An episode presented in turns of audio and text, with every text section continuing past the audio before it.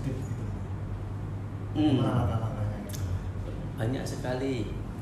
Banyak sekali langkah-langkah dalam kita menghadapi. Kita tidak bisa mengontrol dunia luar. Yang di dalam kita sendiri saja yang semestinya memungkinkan dikontrol juga sering tidak terkontrol. Dan akibatnya kalau di luar juga tidak terkontrol di dalam sendiri juga tidak bisa dikontrol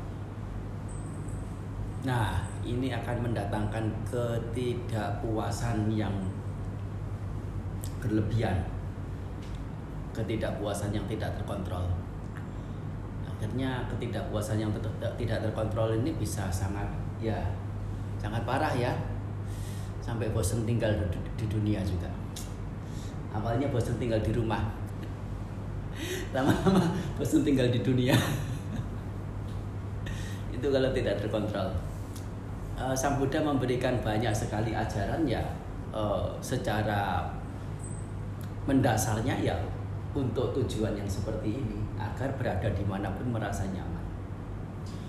Eh, tidak mungkin disampaikan semuanya. Saya angkat satu hal yaitu tentang yang namanya keberpuasan.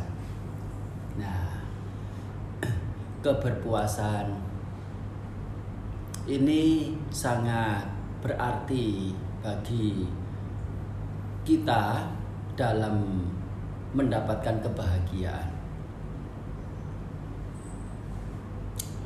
Apa itu berpuas? Yaitu berlega, yaitu bersenang. Puas, senang, lega dengan yang ada pada diri. Ya. Yang mana di sini mengacu ke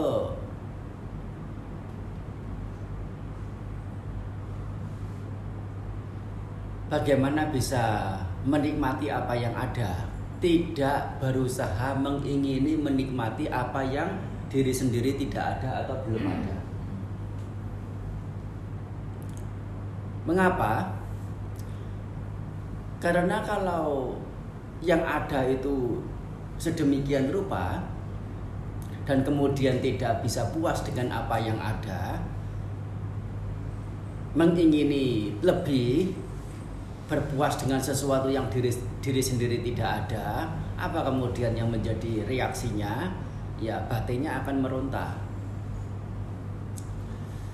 Memang tidak di apa namanya di disangkal kemungkinan untuk berusaha mendapatkan apa yang diingini itu tidak tidak disangkal silakan untuk mendapatkan hal yang belum didapat untuk didapat. Tetapi nah itu harus disesuaikan dengan usahanya. Antara mengingini ya dengan usaha yang dilakukan. Jadi kalau memang masih dalam batas untuk diusahakan dan ya apa ketidakpuasannya yang sekarang sedang muncul itu bisa diredam dulu. Nah, nanti sewaktu sudah berusaha dan mendapatkan, nah bisa berpuas, bisa menikmati. Nah, itu masih dalam taraf yang eh, memungkinkan bagi seseorang untuk ada bisa hidup. Tetapi kalau beberapa hal itu dicapai juga tidak mudah, bahkan tidak mungkin, tapi kemudian terus mengingini apa yang tidak ada pada diri, apa kemudian hidupnya dalam hari-hari? Apakah mendapatkan kebahagiaan? Ini hidup hidupnya selalu diwarnai kebahagiaan. Eh, maaf eh, eh, hidup selalu diwarnai oleh penderitaan. Karena apa? Selalu melirik apa yang tidak ada pada diri. Dan dampaknya kalau sudah melirik apa yang tidak ada pada diri adanya pada orang lain pada pihak lain kemudian merampas ya kemudian mengambil secara paksa Nah, ini sudah tindak buruk, yaitu tindak merugikan pada diri sendiri. Bukan kebahagiaan, tetapi adalah neraka sudah. Tindakan-tindakan buruk yang dilakukan. Nah, ini karena ketidakpuasan ini, nah menjadi celah seseorang untuk melanggar tata susila sehingga keberpu eh, keberpuasan itu menjadi hal yang sangat penting bagi setiap orang.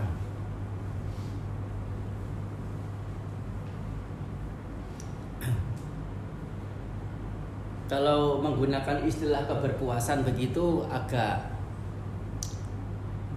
agak asing ya di dalam meskipun ini bahasa Indonesia. Sesungguhnya ada kata yang lebih familiar, tapi saya tidak yakin orang zaman sekarang sudah mengerti, masih mengerti artinya. Nah, pernah mendengar kata sentosa? Pernah ya? Makmur dan sentosa. Nah, kira-kira artinya apa sentosa itu? Hmm, itu ada yang namanya santoso ya. Mungkin orangnya sendiri nggak ngerti artinya apa santoso apa apa artinya sentosa atau santoso itu?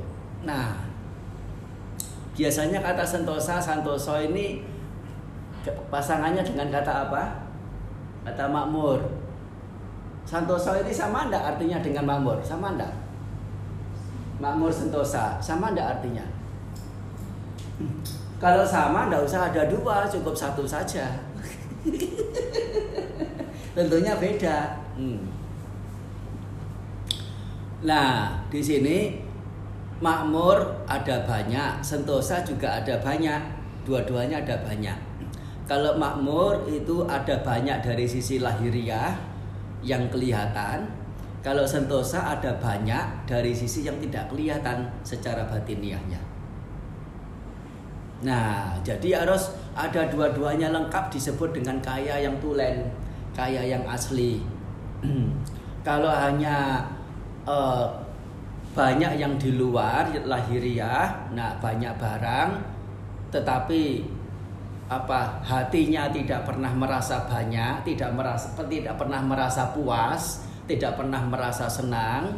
Nah, selalu ingin, selalu mau, selalu mencari dan bahkan mencari itu dengan cara-cara yang tidak terpuji untuk mendapat untuk mendapat. Nah, selalu kekurangan. Orang seperti ini boleh tidak disebut dengan orang kaya? Tidak boleh. Tidak boleh. Belum belum boleh mendapatkan sebutan orang kaya. Dia baru boleh mendapat sebutan orang berharta banyak belum bisa mendapatkan sebutan orang kaya. Oleh karena kaya itu artinya apa? Kaya itu artinya penuh, kaya itu artinya berlimpah, berlebih, bertumpah-tumpah. Misalnya ember diberi air yang penuh, namanya kaya air, penuh air. Diberi air lagi bagaimana? Melimpah ya airnya ya, namanya ember kaya air. Nah, kalau seseorang masih merasa kurang, masih merasa butuh, masih mencari dan bahkan mencarinya itu sampai menggilas, ya, menindas, ya, sesama manusia yang lain, apalagi yang bukan manusia, masih kekurangan, ya mereka juga sama-sama masih miskin. Yang miskin itu itu yang yang yang masih membutuhkan kan ya. Kalau kalau tidak kalau tidak miskin bagaimana bagaimana akan membutuhkan? Mereka juga masih miskin. Hanya memang secara nilainya jumlah harta yang dimiliki lebih banyak dari yang lain. Namanya orang berharta banyak bukan orang kaya. Ternyata garis kaya atau tidak kaya itu ada di dalam batin sini yang tidak kelihatan sejauh ada keberpuasan di sana ada kaya raya Kalaupun orang hartanya mungkin ratusan miliar triliunan, tetapi masih terus merasa kekurangan, terus mencari, terus menyakiti pihak lain dalam upaya mendapat, ya dia adalah si miskin. Di sisi yang lain, tukang bakul kacang pinggir jalan bisa bisa beri sedekah ke anjing untuk makan, bisa beri sedekah untuk anak tetangga, untuk jajan, bisa berbagi, merasa aku ada lebih, aku bisa berbagi. Dia sesungguhnya orang kaya. Merasa merasa ada dan merasa lebih bisa berbagi. Kalau tidak merasa lebih bagaimana bisa memberi, bisa berbagi. Nah, hartanya berapa perbandingannya? antara bakal kacang dengan yang itu pengusaha triliuner itu nggak ada nggak ada bandingannya. Tetapi siapa yang kaya? Nah bukan dari harta luaran yang menjadi tolok ukur tetapi apa? Di dalam batin sini. Sejauh apa punya keberpuasan yang disebut dengan kesentosaan? Punya kesentosaan. Sentosa dari kata santusa. Santusa san itu sendiri. Tusa artinya berbahagia berpuas bersenang. Nah, menjadi santuti nah, kalau dalam Manggala Sutta kalau dalam Karania Meta Sutta apa? Santos sako. Nah dalam bahasa Sanskerta ya sama. Hmm. Nah, tusti tusti. Nah, tusti atau astuti sama saja. Hmm, berpuas, bersenang. Nah, itu kesentosaan, punya kepuasan di dalam hati, yaitu bersenang dengan apa yang dimiliki. Yaitu apa? Bagaimana bersenang atas apa yang dimiliki, apa yang didapat semuanya itulah. Ya, entah itu berupa barang atau orang. Termasuk juga uh, berpuas atas upaya yang sekarang ini secara optimalnya sudah bisa di, di, dilakukan. Jadi uh, dengan berupaya yang sudah optimal mendapatkannya sekian, ya puas dengan yang itu sudah. Nah kalau memang eh, hal-hal uh, yang didapat itu melalui upaya, melalui pengerahan semua potensi yang belum optimal, nah itu mesti mesti uh, dikerahkan yang lebih optimal. Jadi tidak ada alasan kemudian uh, memelintir makna kata dhamma. Ya, mau males, ya mau tidak tanggung jawab, mau apa men, uh, mau nyaman yang sifatnya itu kekanak-kanakan ya kemudian beralasan apa?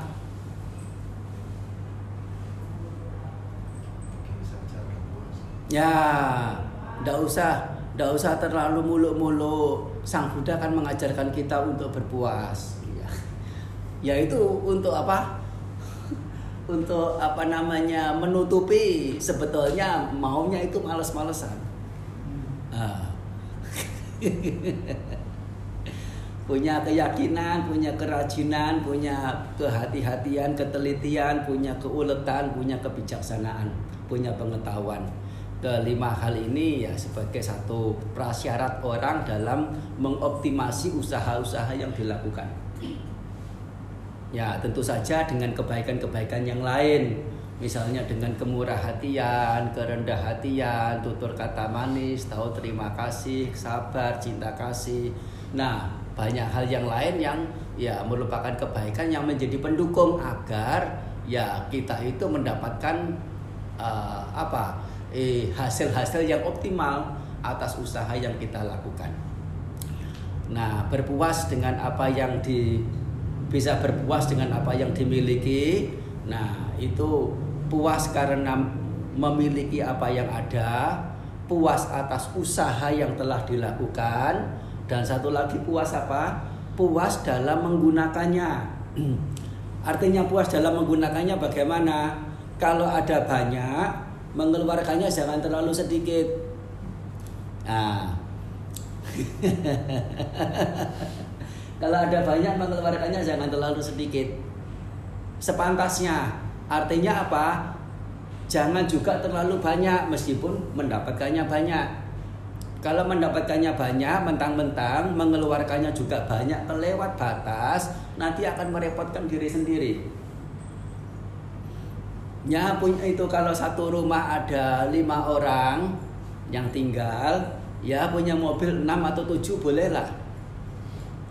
Satu orang satu, dua untuk spare. ya itu sudah banyak ya. untuk ukuran umum sudah banyak tapi oke okay lah kalau memang memang mau ini mau mau apa punya ya merasa nyaman cukup ya tidak pernah ada masalah begitu tapi kalau yang mobil yang dikendarai yang dimiliki ya hanya hanya lima orang mobilnya sampai belasan nah nanti susah sendiri nanti apa namanya STNK-nya nanti harus panasin mobil nanti harus apa ribet tanpa ada perlu. Cari cari kerjaan baru. Nah atau hal apa yang lain lah. Nah uh, apa tempat tinggal yang besar yang berlebih begitu ya. Cari perkara sendiri. Nah cari perkara sendiri yang semestinya ya cukup sampai di mana yang memang senyamannya ya ya tetapi ya kalau melebihi dari ukuran yang wajar nah menjadi beban tambahan. Itu kalau ada banyak nah ada banyak mengeluarkannya ya secukupnya sepantasnya semanisnya jangan terlalu sedikit juga jangan terlalu banyak nah kalau mendapatkannya sedikit nah sudah pasti mengeluarkannya sesuai dengan yang di, didapat itu jangan sampai lebih dari apa yang didapat oleh karena itu akan mendatangkan derita di belakang hari ya memang harus mau harus mau sadar, harus mau sabar, harus mau terima. Kalau apa namanya apa yang digunakan ya mesti tidak sama dengan tetangga, dengan teman, dengan siapa. Ya ya harus mau mengakui, harus mau memaklumi, ya tidak apa-apa. Meskipun teman pakai Hermes ya saya pakai tas itu tanah merah ya apa itu pasar pasar apa namanya pasar apa namanya Jakarta itu Tanah Abang ah, Tanah Abang ya sudah terimalah nah Bagaimana kalau mau mengikuti tasnya tas ya bermerek begitu nanti hancur-hancuran. hancur-hancuran ya. Tanah abang ya tanah abang tidak apa-apa. Ya itu adalah sesuai dengan pendapatan yang diperoleh. Nah, nah itu adalah contoh bagaimana e, kalau seseorang itu punya pendapatan yang terbatas ya menyesuaikan dengan pendapatannya. Ya tidak sampai berlebih, tidak sampai mulut-mulut, tidak sampai terpicu, terdorong. Ya sesungguhnya fashion-fashion itu hanya seperti apa? Hanya apa? Itu hanya untuk apa ya? Hanya permainan dari sebagian permain dan permainan dari para para pengusaha, dari para pedagang. Dipermainkan macam-macam sengaja memang sengaja di di di apa namanya diguncang-guncang itu egonya itu. Kalau kita lihat sinetron, nah lihat sinetron sebetulnya nggak ada masalah dicari-cari itu masalah. Siapa yang cari masalah? Sutradaranya. Betul Bu Lili ya? Bu Lili suka nonton film Korea. Diguncang-guncang oleh sutradaranya. Hmm. ada aja yang di, itu di, diungkit di, di, diusik.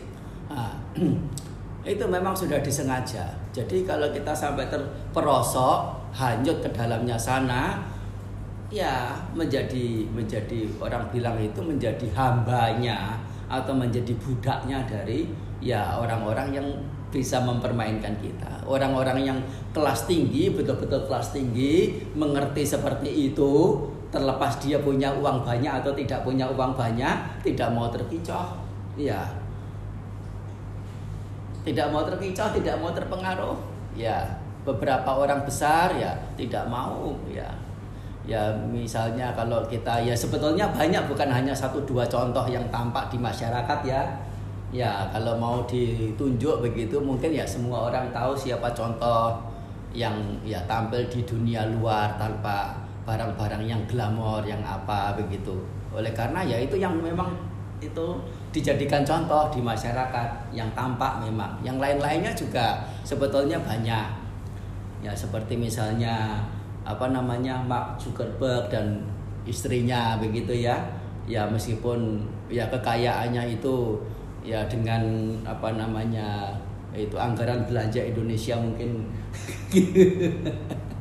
satu negara ini ya masih tidak bisa ini ngatasi ya tidak bisa menyamai tapi uh, dengan harta yang sedemikian banyak itu ya dia tidak perlu mereka tidak perlu untuk mengikuti apa yang dunia itu tawarkan kepada dia tidak perlu mengikuti. Ya tahu seluk beluknya, tahu apa yang menjadi ininya, uh, apa namanya, itikatnya itu apa.